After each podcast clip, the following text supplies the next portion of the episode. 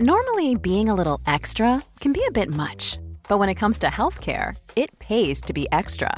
And United Healthcare makes it easy with Health Protector Guard fixed indemnity insurance plans. Underwritten by Golden Rule Insurance Company, they supplement your primary plan, helping you manage out of pocket costs without the usual requirements and restrictions like deductibles and enrollment periods. So when it comes to covering your medical bills, you can feel good about being a little extra. Visit uh1.com to find the Health Protector Guard plan for you. Ryan Reynolds here from Mint Mobile. With the price of just about everything going up during inflation, we thought we'd bring our prices down. So to help us, we brought in a reverse auctioneer, which is apparently a thing. Mint Mobile unlimited premium wireless. Ready to get 30, 30, bit to get 30, bit to get 20, 20, 20, bit to get 20, 20, bit to get 15, 15, 15, 15 just 15 bucks a month. So, Give it a try at mintmobile.com slash switch. $45 upfront for three months plus taxes and fees. Promo rate for new customers for limited time. Unlimited more than 40 gigabytes per month. Slows. Full terms at mintmobile.com. Vi är sponsrade av Mindler och som ni säkert vet sedan tidigare så är vi ju ute på psykologresan tillsammans. Men hur vet man egentligen när det är dags att söka hjälp? Ibland uppstår saker i livet som kommer utmana oss och kännas tufft. Det mesta självläker vi oss igenom, för vi är menade att ta oss igenom en viss mängd påfrestningar. Men ibland behöver man professionell hjälp för att ta sig ur jobbiga perioder i livet. Men vart går då gränsen?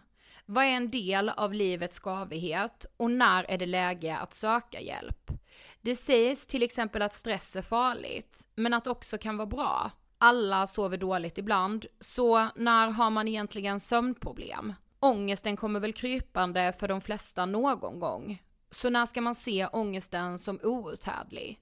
Hur vet jag? Med oss som psykolog har vi såklart min gamla psykolog Linnea Seidbrant. Okej, Linnea, hur mycket ångest är en del av livet och när ska man liksom söka hjälp för den? Ja, men ångest är ju en känsla som vi alla får då och då. Men när ångesten är så pass återkommande och intensiv att den påverkar ditt fungerande och orsakar ett stort lidande, då tycker jag att det är dags att söka hjälp. Sök hellre för tidigt om du är osäker. Då kan vi oftast med en ganska enkel insats förebygga svårare ohälsa. Och det är bra att tänka på att du förväntas ju inte kunna diagnostisera dig själv Mm. med någon fysisk ohälsa. Och det behöver du inte heller kunna göra när det kommer till din psykiska ohälsa. Vi kommer att hjälpa dig att avgöra. Gud vad det där är, alltså Det är för så det tror jag är haken för så många, inklusive mig själv, att jag ska redan veta vad mitt problem Jag ska ha är innan jag kommer till in. Ja. Ah. Jag ska komma till psykologen och säga hej, jag har liksom eh, PTSD och trauma och eh, kanske eventuellt ADHD och eh, är nedstämd och kanske en depression. Alltså, vet. Precis, och vi, jag menar, vi har ju pluggat i fem år, vi psykologer, just för att kunna göra bra och grundliga bedömningar. Ja. Så lämna det till oss. Ja, gud vad, alltså varför? Ja, det är jätteintressant. Ja, verkligen. Ladda ner Mindler till din telefon och läs mer på mindler.se.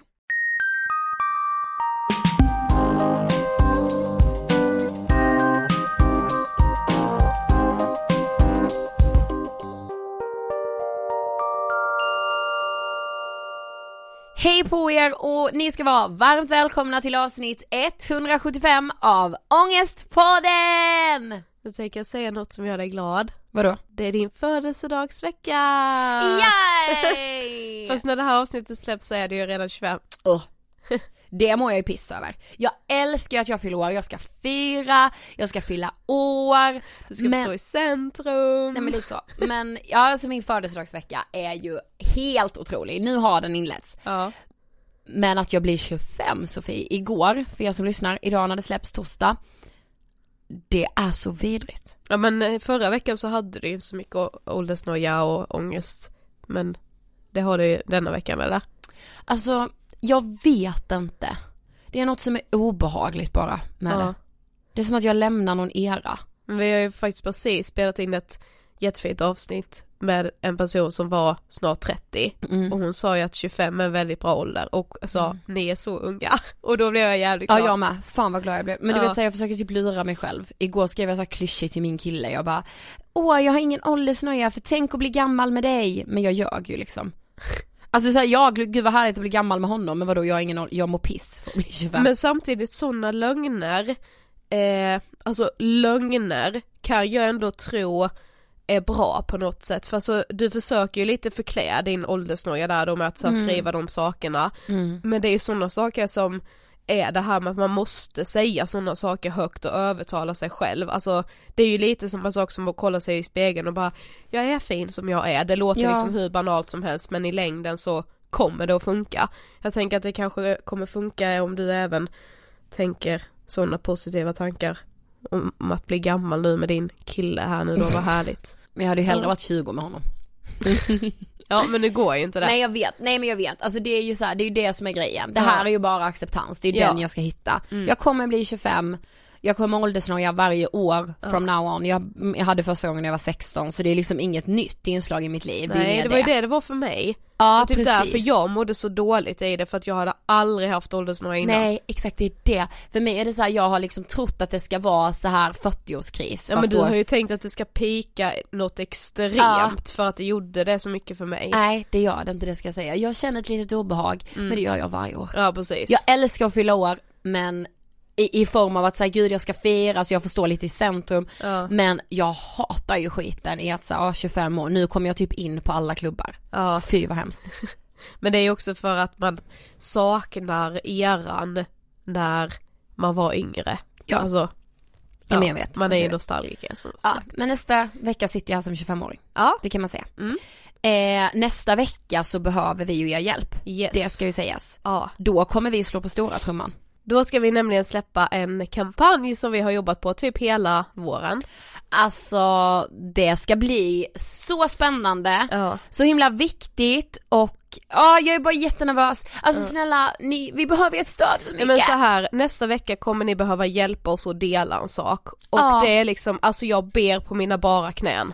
ja men det För är första så. gången sedan vi startade Ångestpodden tycker jag faktiskt att jag ber på mina bara knän. Jaha. Ni måste hjälpa oss. Och inte för att vi ska så vinna någonting eller sådär, utan Nej. för att nu kommer det, nu händer en grej. Och det är att nu ska vi påverka. Vi Ja. måste få till en lagändring. Ja. Vi måste få till att det satsas pengar och då behöver vi hjälp. För psykisk ohälsa måste stå i centrum inför valet. Ni kommer ju fatta nästa vecka, Mm. Ja. såklart. Men eh, vi har jobbat på det här så länge och vi behöver er hjälp. Mm. För tillsammans måste vi förändra. Ja, och det är liksom pengar behöver skjutas till när Från det kommer till politikerna. psykisk ohälsa. Verkligen. Ja. Men du, en helt annan grej. Mm. Det var ju Guldtuben i lördags. Mm. Och jag vill bara så här, tack som fan till er som har röstat på oss. Ja, tack så jättemycket. Det räckte inte hela vägen. Nej. Men det var vi ganska förberedda på. Ja. Vi är faktiskt väldigt glada för nomineringen. Jag tycker Alice och Bianca som vann årets podcast, de har en jättebra podd. Ja. Jag tycker att alla poddar som är nominerade är jättebra. Så att fan vad hög det var liksom, ja det var väldigt hög konkurrens. Och eh, jag är, ja men så här två dagar senare och jag kände det redan igår hur jag verkligen kunde landa i liksom lyckan i att faktiskt få, få ta varit nominerad. Ja. Så har jag inte känt de andra tävlingarna vi har förlorat för då, alltså jag är oftast en väldigt dålig förlorare. Ja.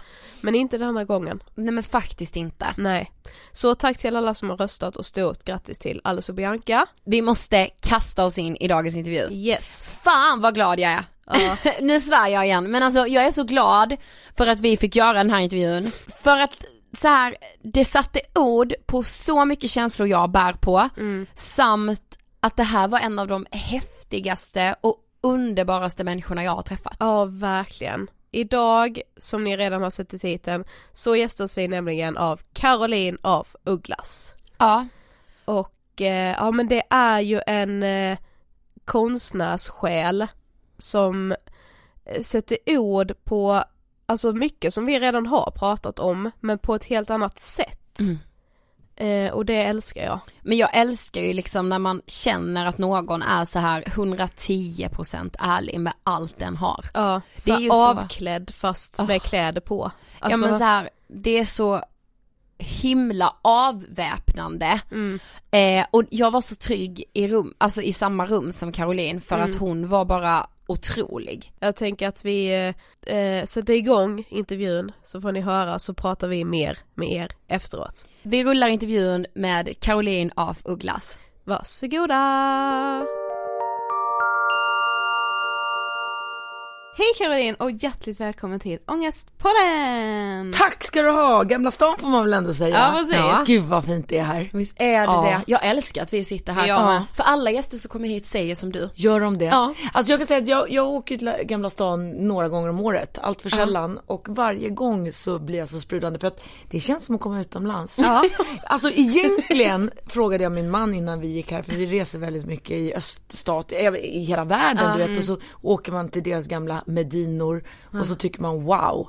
Och så kommer man hit så bara shit, är det här Stockholm eller är det, ett skä- är det en fasad? Men det är för att Men det är Stockholm, Ja, men det är typ för antagligen. att Stockholm, i Gamla stan finns det fortfarande en själ Ja. på något sätt. Det gör Ja. inte det i andra delar Nej. av Stockholm. Ja det är sant Ja. faktiskt. Nej det är urhäftigt. Ja. Så att jag tycker faktiskt ni som inte har varit här på ett tag, kom hit. Ja, verkligen så. Men du alltså, vi sa ju det till dig nu innan vi startade, att du är en så önskad gäst. Vad snällt, vilka härliga lyssnare ni Eller verkar hur? ha. Ja, eller Ja, de är underbara. Men om du skulle liksom lite kort beskriva, vem är Carolina af Ugglas? Om någon lyssnar och bara, jag vet faktiskt Ja, inte. men det tänkte jag väl också att jag är önskad för att jag besitter väldigt mycket ångest. Eh, det vet kanske de som vet vem jag är. Men vem är jag? Eh, snälla, snälla, snälla, snälla kan man säga till någon så här, ja så är det du? Ja, ungefär. Eh, annars är jag en, eh, jag är pigg, spontan som fan. Eh, jag tycker att defekten är effekten. Jag tycker att det är viktigt att våga vara sig själv. Men jag tycker inte man ska ta fram sina fula sidor utan försöka behandla andra som andra ska bli behandlade. Men nu får vi fördjupa här igen för du, du vill veta så här. Ja, det var jag som kom på körslaget år 1900 vadå? Jag kommer inte ihåg när jag gjorde det, men det gjorde jag också ja. Ja, just Ja, det. ju- mm. Nej men jag är sångerska, jag är konstnär, jag målar tavlor också. Ja. Det är mycket clownnäsor på mina tavlor. Mm, har vi sett. Ja, jag har en på armen också tatuerad. Ah. Varför Och- är det så då? Nej men alltså det är ju min hjälm. Som jag sätter på näsan, eller mitt skydd kan man säga. Det är både mitt skydd och det är, alltså jag läste faktiskt, eller läste, jag lyssnade på radion när jag var på väg in till stan här och pratade om existentiella tankar. Jag är ju en människa med mycket existentiella tankar. Och är man det så kan man hamna väldigt illa ute om man går in och grottar in sig för man kan hamna till och med i psykos ska jag tala om. Och det är någonting vi alla kan hamna i. Det här var väldigt intressant program så jag är lite förkovrad här på förmiddagen. Ja. Ja men just det där, vissa tar ju droger, LSD och sånt som sätter igång sitt system och så ser de spöken och eh, andar och de springer för livet och, och de blir rädda. Och jag tror att jag behöver inga droger. Alltså jag är en sån som ser spöken och andra, och nu menar jag inga så här mormor kommer och säger att jag är söt, utan jag menar riktigt läskiga demoner. Och jag menar inte att jag ser dem heller, utan det är väl snarare mitt inre som blir en demon och vi kan kalla det för ångest. Och eh, jag är väldigt nära och det är väldigt öppet det centrat. Och jag har fått lära mig att med bara bra mat, så här, inga droger särskilt, eh, motion och eh, sova så blir man bra. Men eh, sen måste man vara lite extent, existentiellt sökande också. Och då har jag den här clownnäsan för att när jag ska gå på jobb eller tycker att saker och ting är jobbiga. För det mesta tycker inte jag någonting är jobbigt fram till tre på dagen. Då är jag ganska stark och har koll och känner igen folk och så. Men när mitt psyke blir lite trött på eftermiddagen, det är då jag inte kommer ihåg namn och faktiskt knappt känner igen min egen mor. Och då blir jag lite rädd. Och då sätter jag på den där näsan och så låtsas jag känna igen henne. Nej men det, det var väldigt ytligt. Men å andra sidan gå upp på en scen, whatever, och man mår dåligt så kan du sätta på det näsan och det är ett skydd och det är ju clownen och det är ju inget konstigt, den har vi alla.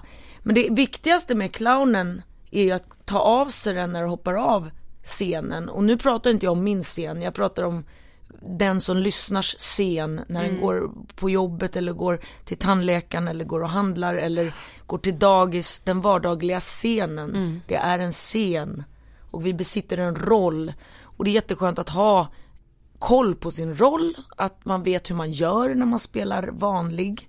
Men jag tycker inte man ska spela hela tiden. Utan det är jätteviktigt att man tar av sig näsan och möter varandra och vågar säga shit jag mår dåligt. Eller vad det är, alltså vi är väldigt lika. Ja. ja, jag älskar det. Jag skrev ju den här, alltså ni, visste ni när ni bjöd in mig att ni inte kommer få en syl i vädret? ja men, för, att- men det är det som är bra. Visst, Vet du vi- det? ja. I, I en podd är det jättebra. Ja, vi Ja, har ju skrivit ja. frågor men vi kanske helt lämnar dem. Nej men det är Så- hemskt, och det där är ju roligt för att hade jag suttit i ett eh, grått rum utan någon som lyssnat så hade jag faktiskt varit tyst. Jag är ju inte sån som pratar med mig själv. Nej. Om det är någon nu som tror det. Så har jag faktiskt två söta tjejer här som gör att jag går igång. Ja. Men nu ska du få standardångest på den frågan. Ja. Vad tänker du på när du hör ordet ångest? Oh, jag tänker mycket. Jag kan prata i sju minuter om det också. Nej men ångest är, vi ska inte, vi- säger det positiva med ångest först, bara för att inte vi ska vara negativa bara. Ångest är det bästa vi har. Det är den lilla klockan som liksom ringer för att tala om att men du har du verkligen kissat hunden? Har du gett hästarna mat? Har du gått till jobbet? Har du koll på att du har pengar till räkningarna framöver? Shit, ser ni inte att det kommer en meteor hitåt? Spring och göm er. Det, det är liksom väldigt bra ångest, för skulle vi vara ångestbefriade skulle vi bara wow, kolla och så skulle vi stanna kvar. Ja. Och så skulle vi skita i hästarna och allting. Så den lilla ångesten ska vi ha, men när ångesten ringer för starkt då blir vi handen, jag brukar ju säga så att då håller man för öronen liksom, det gör ont och då blir man handlingsförlamad och då är den livsfarlig. Eh, och eh, usch vad jag hatar den och det gör så ont och jag brukar inte, eller jag hade jättemycket ångest som yngre vill jag minnas och det var ju därför jag gick på massa mediciner och gick till massa psykologer och ibland vill jag inte gå ut. Och sen har jag tänkt på det här efteråt, "Äh, fan var jag inte lite svag och löjlig. Nu har jag ju min näsa, jag klarar det så bra nu. Så tycker jag att jag går omkring och besitter min ångest på, och äger min ångest på ett bra sätt. Men sen fick jag faktiskt ångest för några mån- någon månad sedan. Min dotter har mycket ångest också. Och då har jag också pratat mycket med henne och talat om att jag har haft det och du kommer lära dig tampas med den och sen är man lite så stolt och man tycker man är stark. Men sen så fick jag en riktig jävla ångest. En natt. Och jag har den i tre timmar och det är någon som sitter på bröstet liksom. Och ri- den är så ful. Och det är hjärtaklappning och allt. Men nu har jag ju lärt mig, jag sket till och med i näsan, jag låg bara kvar. Och den var faktiskt borta dagen efter. Men då sa jag till mig själv, shit alltså du måste, jag, alltså jag lyssnar jättemycket på min dotter. Men är det så här hon har det? Och är det så här människor har det för ofta? Det är inte okej. Nej, Och jag tror inte man kan föreställa sig äcklig ångest om man inte haft det själv. nej. Sen vet jag ju att ångest fluktuerar och ångest går över och det har sina toppar. Och när det kommer så är det bästa man kan göra att gå och lägga sig och sen vaknar man så blir man frisk. Men vad fasen gör man om man har det flera gånger om dagen? Ska man bara gå och lägga sig då? Det går ju inte. Nej. Nej. Men kan du påminna dig om det när du ligger där att så här, det här är övergående? För det är ju Alltså mitt nu problem. vet ju jag, alltså nu, nu är jag, jag är så gammal liksom, jag är så 46. Fast det är inte så. Nej det är inte jättegammalt men, men jag har burit på ångest Jag fick sen ångest, jag fick inte ångest förrän jag var 19 Mm. Det är sent, jag är jätteglad att inte jag hade ungdomsångest. Jag bara sprang omkring och tyckte allt var superkul.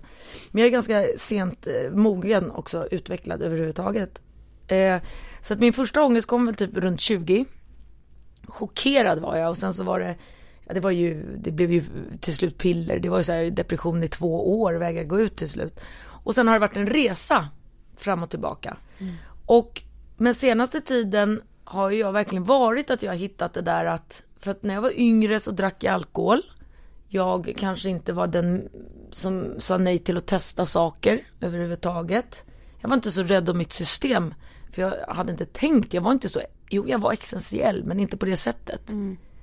Sen blev jag lite överexistentiell och började tänka och, men då hade jag väl skadat mitt system. Och sen fortsatte jag skada systemet genom att jag festade mycket, jag sket i, alltså jag käkade ju mest baguette och Coca-Cola, ja men man har en sån där period, äh fan. Och så var man uppe på nätterna, sov när man hade lust, inte ett så sunt eh, levande. För dålig, eh, f- ja dålig, vad heter det, man måste ju vara labrador för att klara Bos, har det Ja, så. men det jag är dobermann, jag är skitkänslig. Behandlar man inte mig rätt och låter mig eh, se roliga saker och sova och äta och allting, då, då mår jag skit. Ja. Eh, så att jag fick lära mig det. Och jag är rätt stenhård med att gå och lägga mig vid 12 ett och inte gå upp innan 8-9. Beroende på att jag får sova mina åtta jäkla timmar. Har jag en dålig natt, då plussar jag två. Och sen kan alla dra ungefär. Ja, ja. Sen gör jag ju inte det, för är det så att jag måste upp på morgonen, men då tar jag igen det. Man kan visst ta igen sömn. Ja. Du kan inte vara uppe en hel vecka och ta igen om två månader. Det kan du inte göra, då kan du gå in i väggen på vägen. Men dagen efter kan du ta in. Och du måste planera eh, vakenheten. Sömnen är nummer ett. Att du sover bra och att du faktiskt sover när du går och lägger dig. Och det kallas för så här sömnhygien. Ja det är viktigt. Ja, Gud, vilket bra ord. Ja. Ja, det är så här psykologord, tror jag i alla fall att jag inte hittar på det själv. Nej för jag, ja, men jag har fan inte hört det. Nej. Men det var väldigt bra. Ja. Och sen så finns det någonting som heter eh, att man ska äta bra också. Och det är Ja. också en sån där, jag var ju sockerberoende. Och socker är ju också när man får ångest, alltså när jag får ångest, jag blir lite snurrig liksom, lite svag. Då, då är det lätt att man, "Hör jag, det är någonting som är fel, jag har inte ätit något och så måste jag ha socker. Så jag har ätit väldigt mycket socker. Och det gjorde just att jag fick ännu mer upp och ner och då fick jag ångest utav det. Så nu försöker jag ja, alltså jag äter skitmycket fruktsocker, jag äter jättemycket frukter, säkert tio om dagen för jag vet att det finns ett ämne som börjar på P, jag kommer inte ihåg. Det är inte pektin om du trodde det. eh, för det gör att det stelnar. Nej, det är ett ämne som gör att fruktsockret bryts ner så att kroppen kan ta emot det och att det är nyttigt Ja. för kroppen. Ligger Ja, i fibrerna. Därför är inte juice så nyttigt. Nej, Jag är en hälsomänniska. Ja. Jag hör Ja, det. gud, jag har Men det är också på grund av att jag måste ha, eh, ha hygien i, i mitt huvud. Alltså för att jag precis. är ångestbenägen och mat är viktigt. Snabbmat är inte bra. Jag, kan, jag mår skitdåligt. Jag, jag har gjort det sådär nu när man är ute och reser. Vi reser jättemycket. Ibland får vi ingen mat på några dagar eller kanske man bara får skitmat. För vi är ute i naturen och eh, kanske ute i en öken och så får man till och med koka vatten ur bäcken liksom. Och Ja. så ligger någon, har vi några så här torrpåsar som man måste äta och efter tre dagar så, oh det kliar i kroppen. Ja. Ja. Därför vill man ha hela frukten och hela grönsaken och hela köttet liksom. Ja. Så där är lång historia, mat, skitviktigt. Försök att ta bort så mycket socker som möjligt. Men du, alltså du sa det att du fick ångest så sent, alltså som när du var 19. Var Ja. din uppväxt liksom väldigt trygg och sådär? Ja, i och med att jag hade en otroligt trygg uppväxt, det har jag också tänkt på jättemycket. Det måste vara jävligt skönt att få vara 46 år och ha ångest. Eller om du är 26 år och kunna skäll, skäll, skälla på mamma och pappa. Gå till psykologen och så spy över dem och gå ut och tänka att ja, men det är deras fel och jag är ju ganska perfekt. Tyvärr kan inte jag göra det. För de har gett mig så himla mycket trygghet och kanske lite för mycket snarare. Så att när jag fick komma ut, ja men det är, livet var inte så här lätt. Jag är inte alls så där perfekt som ni har lurat i mig. Det är snarare så. Ja. Vad är gott och vad är ont? För jag går ut och tror att alla ska applådera. Och så gör de inte det. Bara för att mina föräldrar, mamma bara, du är en sånt geni. Och sen så, ja men du förstår. Så det är också intressant, hur mycket ska du boosta ditt barn? Vad, alltså lagom är ju, ja det är väldigt intressant. Ja. Sen vet jag inte vad er fråga var, men ett svar fick ni ju. Ja. Jo men vi har ju läst din bok Hjälp vem är jag? Ja. Eh, och där skriver du mycket om att så här, när du som barn, du lite letade efter spänning i vardagen. Du var nästan lite så här ett jobbigt barn, du kallades bland annat Ja. för galningen i kvarteret. Absolut. Vill du berätta lite om Ja, nej men alltså det har jag ju, eh, det är ju en stämpel. Jag vet inte om jag har gillat att ha den eller om jag har stämplat mig själv eller dem. Men jag, ja, jag var galen. Jag är det fortfarande.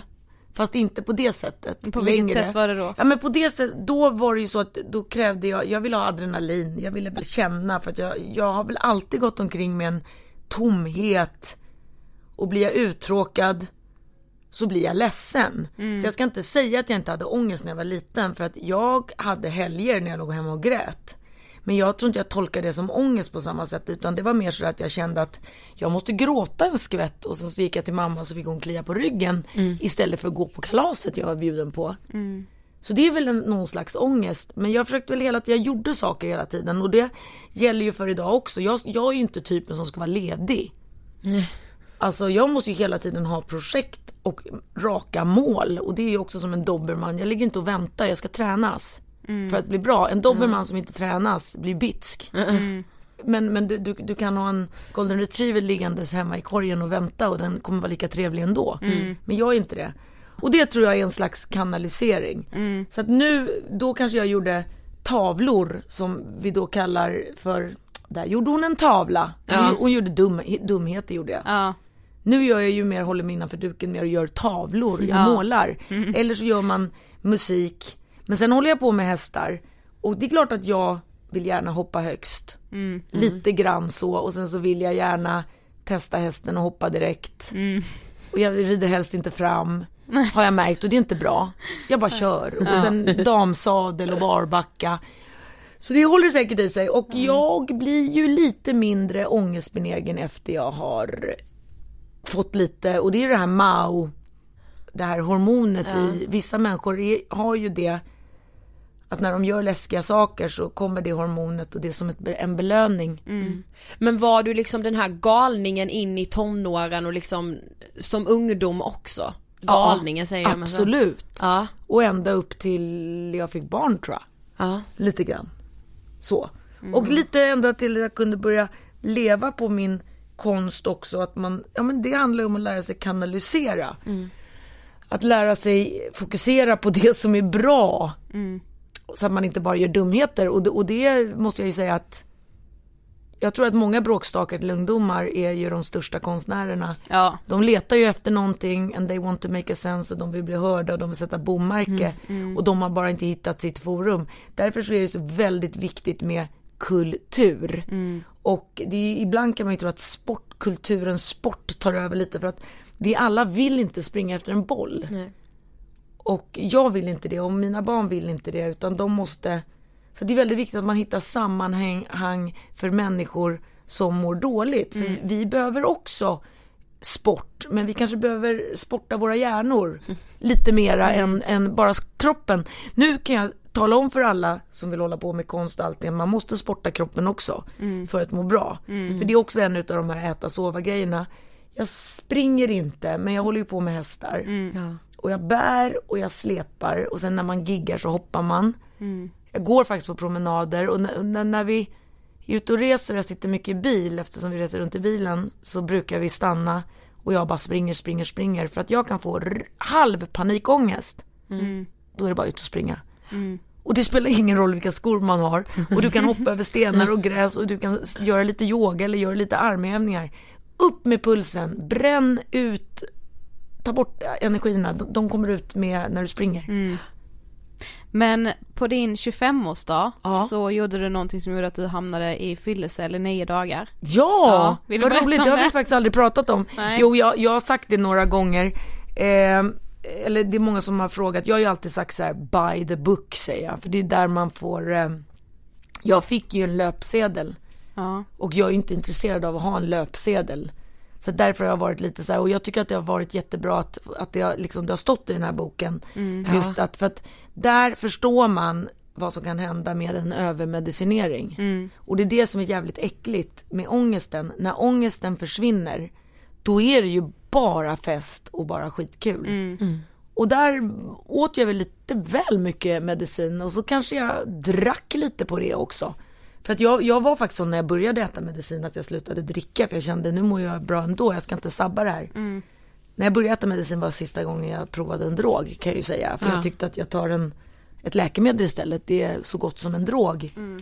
Eh, men någon gång gick jag väl ut och drack och då hamnade jag i fyllecell, ja. Och jag fick sitta i nio dagar så att det var väl inte, det var väl kriminellt antar jag. Och med påföljd. Ja. Ja, och det är subskriberat nu så det är jätte, jättelänge sedan. Men absolut, jag gjorde en hel del konstiga saker. För att jag var inte den som sa nej och jag blev triggad. Eh, så det var, men det var också jätteintressant och då sprang jag uppe på, när jag satt de här nio dagarna, jävlar vad jag skrev och tänkte, jag, jag, jag, jag var med på alla utflykter i finkan. Ja. Och allt ifrån morgongymnastik där man blev inlåst i något rum och, och fick göra det. Eh, Och sen så gick jag på toaletten så ofta jag fick faktiskt. Och duschade också så ofta jag fick. Och sen så gick jag på promenaden varje uppe på taket, det kallas för tårtbitar. Och jag sjöng hela min repertoar. Och fångarna bara håll käften jävla fitta. Jag bara så pratar man inte till en dam. Och det var ju galler och sånt emellan. Så jag måste säga att jag ångrar inte det heller. Nej. Jag, det är klart att jag ångrar om jag gjorde någon illa just, men jag kan ju säga så här, by the book, men jag slog ingen. Nej. Nej. För jag slåss aldrig. Så det, det var nog mer sådär, att jag var någonstans jag inte borde vara. Ja. ja precis. Men liksom din kreativitet, alltså den känns liksom så viktig för dig att få hålla på med hela tiden. Ja, Ja, alltså vad betyder det för dig att liksom kunna jobba med det och att det... Det beror liksom på vad kreativitet är. Kreat- Kreativitet är ju människans, eh, det är ju det som gör att vi är så framgångsrika tror jag. Mm. Vi är väldigt kreativa på att fånga djur och äta upp dem och förstöra naturen och reparera Ja. naturen och eh, hitta på roliga saker. Det är en viss kreativitet men om vi nu pratar Ja, konstkreativitet precis. då, jag målar och jag sjunger, ja. Alltså jag måste ju göra någonting utav min tid och av någon konstig anledning, det kan vara så att min mor, hon var sångerska och min morfar var konstnär och att jag som liten tittade på hur man ska bete sig som vuxen. Man sjunger och man målar. Jag vet inte om det är därför, eller så är det bara för att jag tyckte om ABBA och dansade och jag lekte att jag var, vad heter hon, Anne-Frid? Anne-Frid, ja. Jag fick inte vara Agneta för det skulle min syrra vara. Känner ni igen det? Ja, Vem har så. fått vara Agneta? Ja men grejen jag har ju inga syskon så jag fick ju du bara fick vara båda. skina. Jag fick vara båda. Ja, för visst valde du Agneta? Ja, det hade jag ju gjort. Nej, du är mörkhårig. Fast jag hade nog gjort det ändå. Ja, för jag är mörkhårig och jag ville Ja, vara precis. Agneta. Ja. Och min syrra ville vara Agneta. Ja.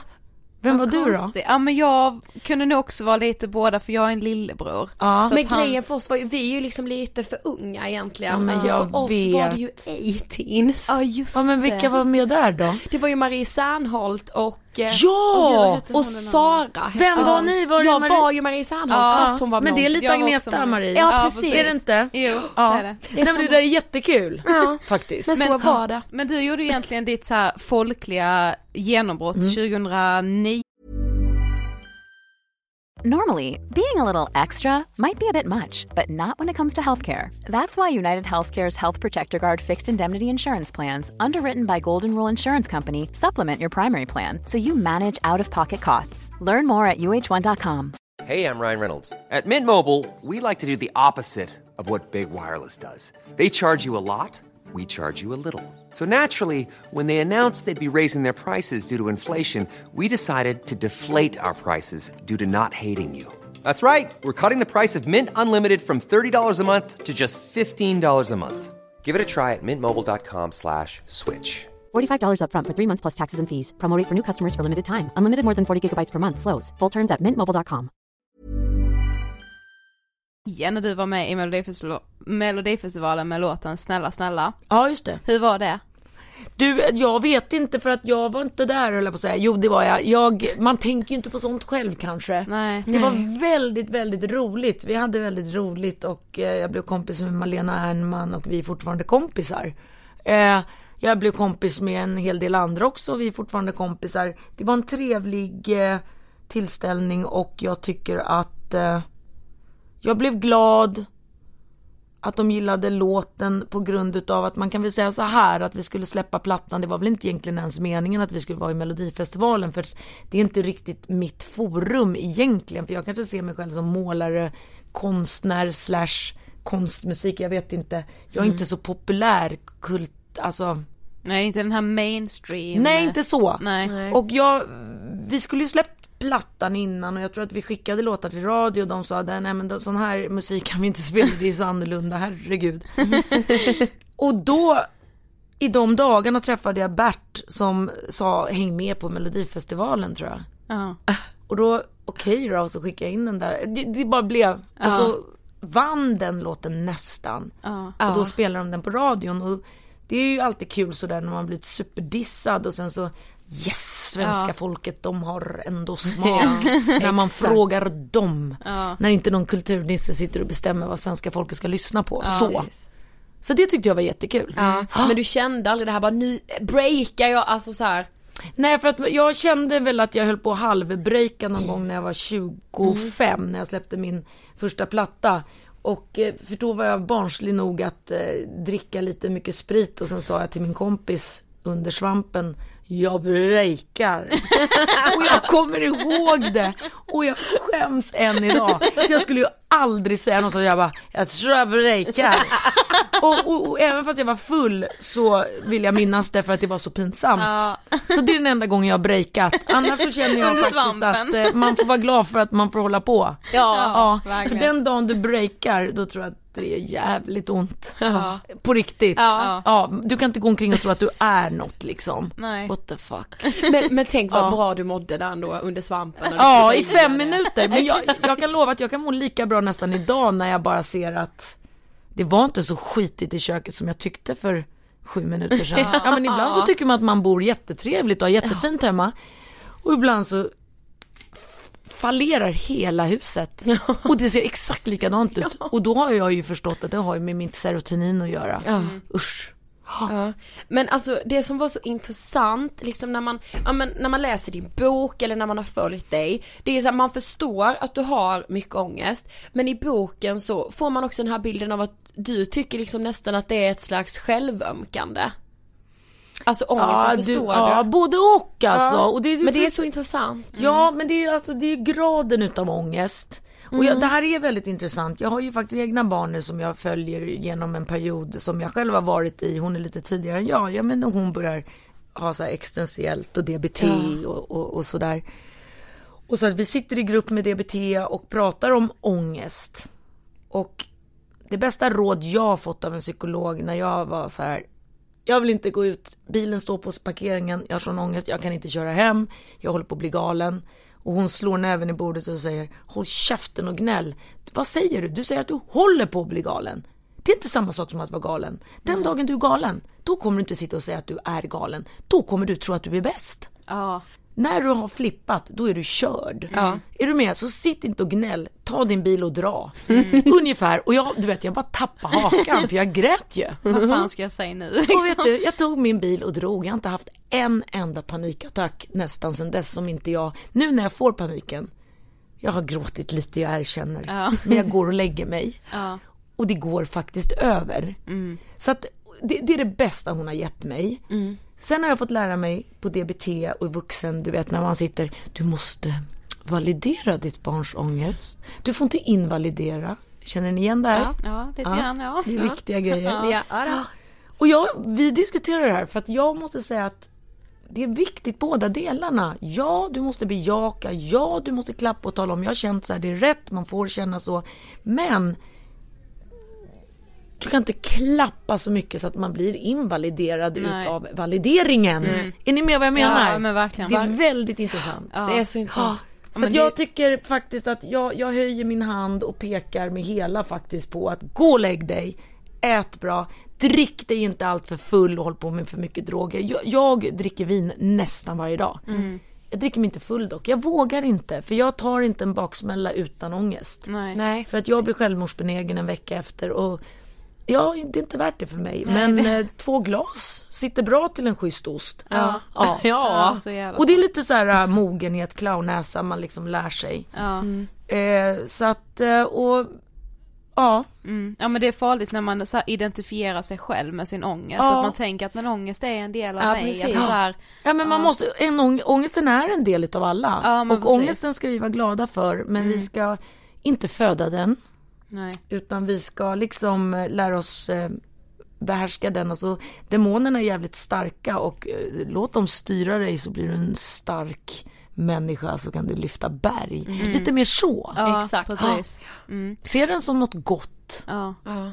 Men du skriver också i boken mycket om att eh, ditt liv är väldigt så här, du har typ bara två växlar, antingen så är det en topp och så är det en botten, alltså lite så här svart och vitt. Ja, jag Alltså, tror att om jag, alltså i, förr i tiden så satte man ju inte sådana här eh, diagnoser på alla. Nej.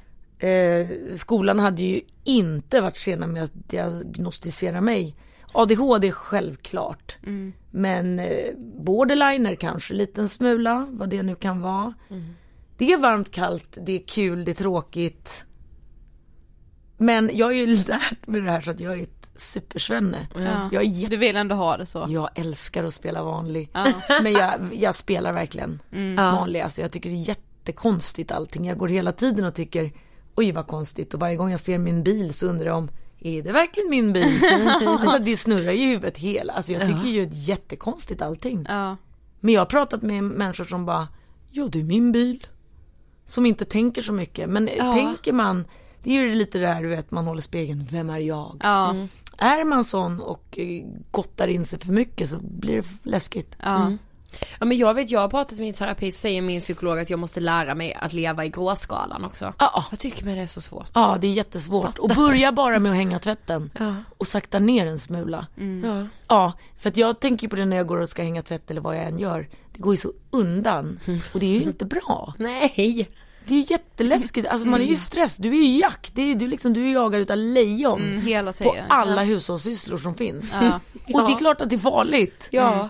Men jag har gjort lite sådana här eh, appar faktiskt där jag ligger och lyssnar. Just på det där med att den vardagsmänniskans stress. Det är ju liksom på den tiden vi var jägare är faktiskt när vi är jagade för att överleva. Ja. Vi liksom bara lägger på superklockan mitt på lilla Nygatan eller Stora. Det är helt galet. Ja. Ja. Och då när jag ligger och gör de här apparna och han har talat om då för mig in English att man, att, att liksom då kan man faktiskt skratta åt sig själv när man helt plötsligt ser en varg på gatan och springer metaforiskt. Ja, ni, ni fattar? Ja. Ja. Eh, det är helt galet vad man går igång. Men grejen är att jag tror att vi går igång lite för lite idag.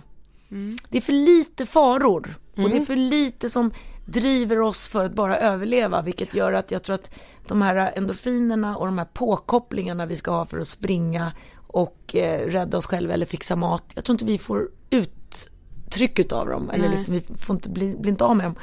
Och då blir det vardagsångest och, och Ja. det gör lika ont som det som skulle kunna hänt på den tiden vi bodde i en grotta. Mm, precis. Men det är därför jag säger, gå ut och spring. Så lurar du kroppen liksom att nu har du jagat mat och sen Ja, kan du gå hem och äta och sen är kroppen nöjd. Ja. Lite så. Ja. Ja. ja, det ligger verkligen något i det. Ja, men du sen, detta tyckte vi med var så intressant och jag kunde relatera så mycket till det, att du har känt så här, nu blir jag galen liksom, männen i vita rockar beskrev Ja. du det som, att nu kommer de. Ja, och de Liksom. kommer hela tiden. Ja, du tänker det liksom. Men jag är glad för när jag gjorde den här boken, jag har ju tänkt så i, hela mitt liv och när jag skrev den här boken så att gå i terapi är ju en sak. Det är ju liksom att prata, du hör din röst och så får du insikt både genom tanke och ord. Sen finns det faktiskt terapi idag, tid som man skriver ner sina tankar. Då skriver du, du läser. Ännu mer bearbetas det. Nu gjorde vi den här boken tillsammans med en psykolog Ja. under två, drygt två års tid. Vi gjorde värsta eh, terapin. Vi skrev ner den. Jag har rättat den, editerat nio varv om min ångest och hur jag gör för att slippa den. Hur nyttigt är det inte? Det borde ju varenda människa göra. Eh, så att jag har ju läst det här nio gånger om igen och hört det och skrivit ner det. Att jag får väldigt mycket ångest efter klockan tre. Och jag har fått det hela mitt liv. Och om jag inte sover, om jag inte äter, om jag dricker så tror jag att jag håller på att bli galen. Ja, jag kanske kommer bli det. Men på den tiden när jag gav ut boken, då var jag, kan det vara tio år sedan? Ja. Ja. Då var jag 36. Och jag är fortfarande 46 och har inte blivit galen. Men jag håller fortfarande på att bli lika galen som jag skrev boken. Och som jag var 23 när jag låg inne och ville in på psyket. Så jag tror att jag även när jag är 60 kommer jag fira att jag fortfarande inte riktigt har trampat över. Ja, precis. Men när jag möter en galen människa då tittar jag ju mig runt och så tittar jag, är det han eller är det jag som är galen? För jag kan ju inte bara säga, det är du som är galen och det är jag som är normal. Jag måste validera det också. Faktiskt. Men skulle du säga att det känns så här självläkande för dig själv att så här känna att du kan hjälpa andra genom att dela din liksom, ja men din berättelse, din ångest? Absolut, Ja. annars skulle inte jag sitta här. Och sen så, jag skulle inte ha skrivit den boken, för den boken skrev jag ju på grund av att jag fick så många fina brev som jag kände så här att shit, kom hem till mig, jag kommer, jag kommer, ska jag skriva 18 brev i svar, liksom och, ja men det blev så här, så jag kände att jag lägger ihop allting och så gör jag den här boken till dem. Ja. Och självklart är det väl så att hjälpa andra, om, även om du sjunger mer om som jag gör med mina stora körer eller om man pratar ångest eller målar tavlor eller vad du än gör så vill man ju göra det. Det är klart att man vill hjälpa andra. Alltså den dagen du dör och har varit en god medmänniska så tror jag att man dör med bättre samvete. Och jag tror på karma. Mm. Grymt mycket faktiskt. Och det tror jag är den bästa religionen. Karma bara. Ja. Ja, det tror jag med. Ja. ja. Men så här, ibland så får man känslan med att du liksom kan ja men så här, skratta åt din ångest lite, alltså liksom ha roligt åt Ja, den. och det kan jag ju men det är inte när jag har ångesten. Nej, Och det är det jag måste inte. säga och jag, jag säger när jag får de här riktiga ångestarna, jag vet ju fortfarande inte om det finns ångest mellan 0 och 10, jag vet väl inte om jag har haft en 10 men för mig är min värsta ångest en 10. Mm. Sen vet ju inte jag om det finns någon som har mer. Nej. Men jag kommer bara ihåg min tanke i och med att jag får inte så mycket sådana längre. På grund utav, jag har också lärt mig som kvinna, för jag kan säga att jag vet inte, alltså killar överrepresenterar ju självmord och ångest och de har ju inte mens, nej så vi kan inte skylla på det för att de har ändå hormoner. Det, det, det vet de. Jag går i cykler för jag är kvinna och det är så lätt att se för man måste ha binda liksom eller någonting som stoppar upp och då vet man att shit, det här innebär faktiskt att man blir förbannad också. Ja. Och man mår dåligt. Och även vid ägglossning så mår jag apa. Och det känns jättebra för mig att faktiskt bara så här, åh det var två veckor sedan jag hade mens och nu vill jag dö. Om två dagar vill jag inte det längre så då väntar jag med att dö liksom. Ja. Men jag tycker att man förtränger det, alltså varenda gång jag Hela kan ha de tiden. här eh, liksom Hormon. Ja, när, när jag känner bara, så- alltså jag har så mycket ångest just nu, alltså det är som att min kropp har förträngt det varenda gång för jag kan må ganska dåligt så här, typ två, tre dagar innan jag ska få mens. Ja. Och så är när den väl kommer jag bara, just det, det var Ja, därför jag, jag mådde vet. piss Men hur häromdagen. ung är du min vän? Ja, jag Nu är låter jag 25. som en tant, du är 25 Ja. och jag håller på att bråka med min dotter om det men hon är faktiskt bara 17, hon har faktiskt erkänt Ja. att det är skit att ha mens. Ja, det Så det. att jag bara säger till alla kvinnor, liksom så här, att, att bara av att se mönstret kan faktiskt hjälpa en Mm. en smula. Att veta att skit i att hoppa från bron idag för det här kommer gå över för du ser i boken att du ligger i en, Mm. och jag, jag har ju ändå varit kvinna sedan jag var 14. Ja. Ja. Och sen tror jag att män också kan ha en cykel. Mm. Om man faktiskt kan titta på den. Jag vet inte. Nej men det är också Men vad var frågan? För nu börjar jag snacka om annat va? Ja, fan, nej det var... Eh, Nej det var jag som frågade om att du liksom kan skratta ibland Ja. åt liksom smärta och ångest Ja, det var det jag kom på just när, Ja. när jag fick den här superångesten bara för, som jag för några, mm, två månader sedan. Och bara, åh nej, är det så här min dotter anser att hon mår? Är det så här jag mådde förut när jag ofta hade? Det kanske var det. Det är en tia för mig. Det är åt helvete för mycket. Och har man det ofta, det är ingenting man kan skratta åt. Det är, det är fullständigt sjukt. Men däremot så vet jag ju, och det mår jag väldigt bra av att veta, att det är hormoner. Och jag har lärt mig lite grann när de här, och nu snackar inte jag hormoner, kvinnohormoner igen. Nu snackar jag, eh, vad heter det, dopamin och eh, serotonin, oxytocin, eh, dopamin, allt det där som gör att man, mår- de hormonerna som styr ditt välmående. Och jag vet att det är ett jävla röj i mitt huvud. Det sprutar och det stryps åt och spar på den du liksom. Och det, det är jättebra med min kör och när folk sjunger för då frigör man ju hormoner och, och dopamin och allt det där och man mår bra. Eh, och man lär sig. Men när det går åt helvete så nej jag skrattar inte. Då gråter jag. Men sen kan jag ju skratta åt det dagen efter lite Ja, grann. men det det. men jag tror att det är bra att man gör. För du måste ju ändå se glädjen efteråt. Men har man ångest för många gånger i veckan då ska man skaffa hjälp. För att det, man ska inte behöva ha det. För att jag tycker till 80% ska man tycka att livet är bra att leva. Annars så tror jag att man ska få hjälp. Men jag tycker att man ska börja med ätandet, se över sin alkoholkonsumtion eh, och motionera och sova. Hjälper inte det, fine, prova med något eh, psyko, vad heter det, Psykofarm. citalopran. Ja. Kan funka skitbra. Eh, börja lågt, sega uppåt, ta inga lugnanden. Ta aldrig trekants, det, blanda inte droger. Läser man min bok så jag är väldigt mot mediciner. Med tanke på att de har provat väldigt många mediciner på mig. De, de har provat väldigt många på mina vänner och väldigt många har gått jäkligt dåligt för. Och jag vet att de gillar att prova. Det är lite som en... Ja, det är lite... Det handlar om pengar där också tror jag. Ja, såklart. Och eh, jag, jag tycker max en medicin helst åt gången faktiskt. Och jag tror inte på de här kort lugnande att åh nu får jag ångest, uh, Atarax eller vad det Nej, heter. Atarax, ja. Ah. Jag tror inte på det. Men man För jag- släcker ju bränder bara. Du släcker ju bara bränder. Du, måste, ko- du måste lära dig, då är det mycket bättre att tatuera in en clownnäsa. Och sätta på dig den. För ångesten kommer gå över. Sen däremot om man har lite så här fel på serotonin och sånt där, då, då kan man hjälpa. Men ta då en tablett Mm. utav det Mm. Och eh, se vad som händer. Mm. Och sen alla de här människorna som äter en tablett så mår man bra och då börjar man sänka och sluta. Ja, då mår man bara ännu sämre. Så jag tror att mår man dåligt en längre period och det inte funkar med att sova och äta och allt det där och man väljer att gå in på psykofarmaka, gör det i flera år. Mm. Må bra, tillåt dig att må bra. Känner du för att våga sluta, gå ner i 16 delar, det gjorde jag. Så man inte får alla de här jätterycken. Jag höll på i ett halvår, nere på 16 du vet, jag bara satt så här tung. Ja. Ja, när jag slutade sista gången. För jag kan säga att när jag började, jag höll ju på med piller och olika grejer i åtta år. Av och på, av och på. Det är klart att jag mådde dåligt i Ja. åtta år. Och att ingen doktor liksom bara, då testar vi det där, då slutar du med det där. Och så var det ett glapp emellan och jag tror jag skulle dö varenda gång. Ja. Ja. Men sista gången när jag la ner, då var det verkligen 16 delar och sen så planade det ut med en naturlighet. Ja. Så att börjar man äta så man kan gå snabbare på, men lugnt av. Ja. Och sen vad fan, mår man bara bra med piller, ät piller då. Ja, Ta precis. ett piller. Mm. Man behöver inte skämmas. Nej. Det är super med de här pillerna. Mm. Men vi, vi har ju väldigt många kompisar som ska ha slutat och sen så det går inte och de har Nej. försökt sluta fem sluta, gånger. sluta. Ja exakt. Verkligen. Ja. Utan att man hittar, och jag, och jag förstår, för jag har ju gått igenom hela den Mm. där grejen. Jag var hela, jag var deprimerad och så äter jag piller så mår jag bra.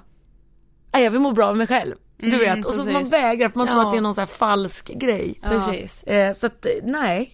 Och jag, de, väldigt många i min familj äter så att det må Det är bra. det också. Men liksom. ät inte flera piller. Nej. Och gå inte och släck bränder som du sa, utan liksom hitta, det kommer brinna varje dag lite grann och det får det göra. Mm. Och det ska, för man ska inte äta så hög dos utan någonting så du inte har ångest. För har du inte ångest då gör du dumheter som jag gjorde i boken. Mm. Men då, då så satte ju de mig på 40 milligram. Det är för mycket för en människa som väger 48 kilo. Ja, Ja. så jag var jättekonstig. Ja. Vi har kommit till sista frågan. Ja, Vad eh, inspirerar dig? eh, det gör faktiskt alla andra människor. Ja. Mm. Resa i länder. Om vi ska bli konstinspirerade till mina tavlor så är det garanterat miljöer, eh, kulisser i andra länder, storstäder ut på landet, in i lador. Jag går ju och snokar med en kamera överallt och ser vackra saker. Men sen är det ju människan och dess yrke och vad den gör för att överleva. Alltså att, allt från att hänga tvätt eller stå i tvätteri eller baka. Allt vi gör liksom, tycker jag är häftigt. Clownnäsan, Ja, bakom den det. älskar jag kan jag säga. Ja, jag älskar också den, den är ju både vacker och eh, djup. Ja. Precis. Eh, så det inspirerar mig. Ja, människor och eh, miljöer. Men det är ju människan som gör miljön va? Mm. Jag tror inte att jag blir så superinspirerad av att sitta på en topp eh, uppe i eh, och se världen. Det är nog, där ligger nog inte inspirationen, där ligger nog mer vilan och lugnet. Ja. Tror jag. Ja. Så det är mycket vackert och jag reser långt för att sitta på en bergstopp och titta ut. Men det är kanske inte där, jag har klart jag har målat några tavlor därifrån. men det är inte där skon klämmer Nej. liksom på sådär skönt som den kan klämma ibland. Ja. Tack Eller så hur? jättemycket för att du ville gästa Alltså det var så härligt, du Ja. måste komma tillbaka någon mer gång. Ja, Ja men jag. kan faktiskt komma för jag ska, har ju sagt att jag måste åka till Gamla stan lite Ja, oftare. exakt. Det här Ja. får vi ha som en tradition. Ja, verkligen. jag. Ja. Tack så Tack. jättemycket. Bra, tack, hej! Den finaste vi har. Ja men verkligen, jag älskar ju det här med clownnäsan för jag vet exakt vad hon menar. Jag vet. Alltså, ja, fy fan. Men jag tycker ju med så här, ja men jag vet inte, alltså jag vill liksom vara i hennes värld Ja. hela tiden. Mm. Jag är så glad att hon kommer och gästade och det är ju faktiskt väldigt många av er som har önskat och skrivit det till oss innan att så här, kan inte Carolina af Ugglas komma? Eh, och det var extra kul. Och jag vill verkligen tipsa er om Carolins bok som vi ju pratar om. Den heter Hjälp, vem är jag? Caroline af Ugglas och Ulf Karl Olof Nilsson. Eh, det är alltså så här, ja men anteckningar från hennes terapi. Den är så jäkla intressant. Ja det är så kul att läsa för Ja. att man läser ju, det, är liksom nedskrivet samtal. Jag tror att, och det är ganska lätt för oss, typ vår generation att läsa eftersom Mm. vi är så vana vid att läsa chatter och så här. Mm. Det blir lite som att läsa i en chatt. Ja, vissa kapitel, vissa kapitel är väldigt långa, så då pratar ju Caroline väldigt mycket, men man får liksom, där får man ännu mer av henne. Ja. Eh, även om vi fick väldigt mycket intervjuer. Ja precis. Tack så jättemycket Caroline för att du vill gästa Ångestpodden. Innan vi slutar det här avsnittet så eh, tycker jag ändå att det finns en sak som vi måste ta upp. Mm. Eh, vi var ju på gala helgen, Ja. det var jättekul. Eh, man sitter ju alltid där och känner en vrede över att det inte finns en gala som samlar in pengar för psykisk hälsa. Mm. Eh, en gala där man pratar om suicid, om depressioner och liksom så här, ja men vår tids största folksjukdom, Mm. det är ju psykisk ohälsa.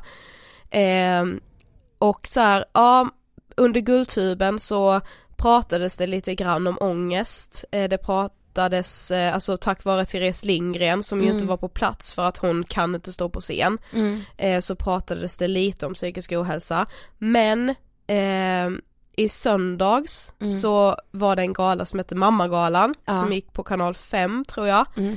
Eh, och årets mamma blev Ludmilla Rosengren Åh. som ju har gästat Ångestpodden Ja. för väldigt länge sedan. Ja. Men hon förlorade ju sin dotter när hon var 14 år Mm. i självmord. Ja, alltså dottern var 14 år. Mm.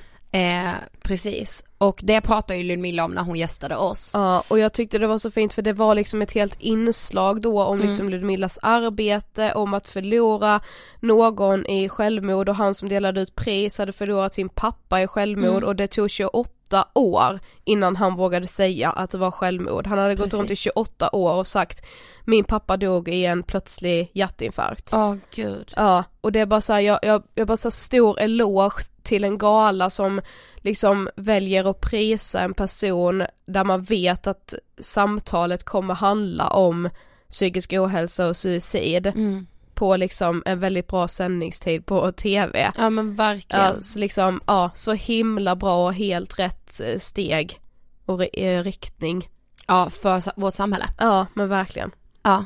Det var ett fint avslut den här veckan Sofie. Yes. Eh, som sagt, nästa vecka behöver vi er hjälp. Mm. Vi kommer För liksom, helvete. vi kommer ställa en fråga för en hel kår Mm. och för alla unga i Sverige till politikerna. Och vi vill att ni ställer frågan tillsammans med oss. Ja, nu måste vi hjälpas åt. Oh, vi hörs nästa vecka. Yes, ha det bäst tills dess. Hej då!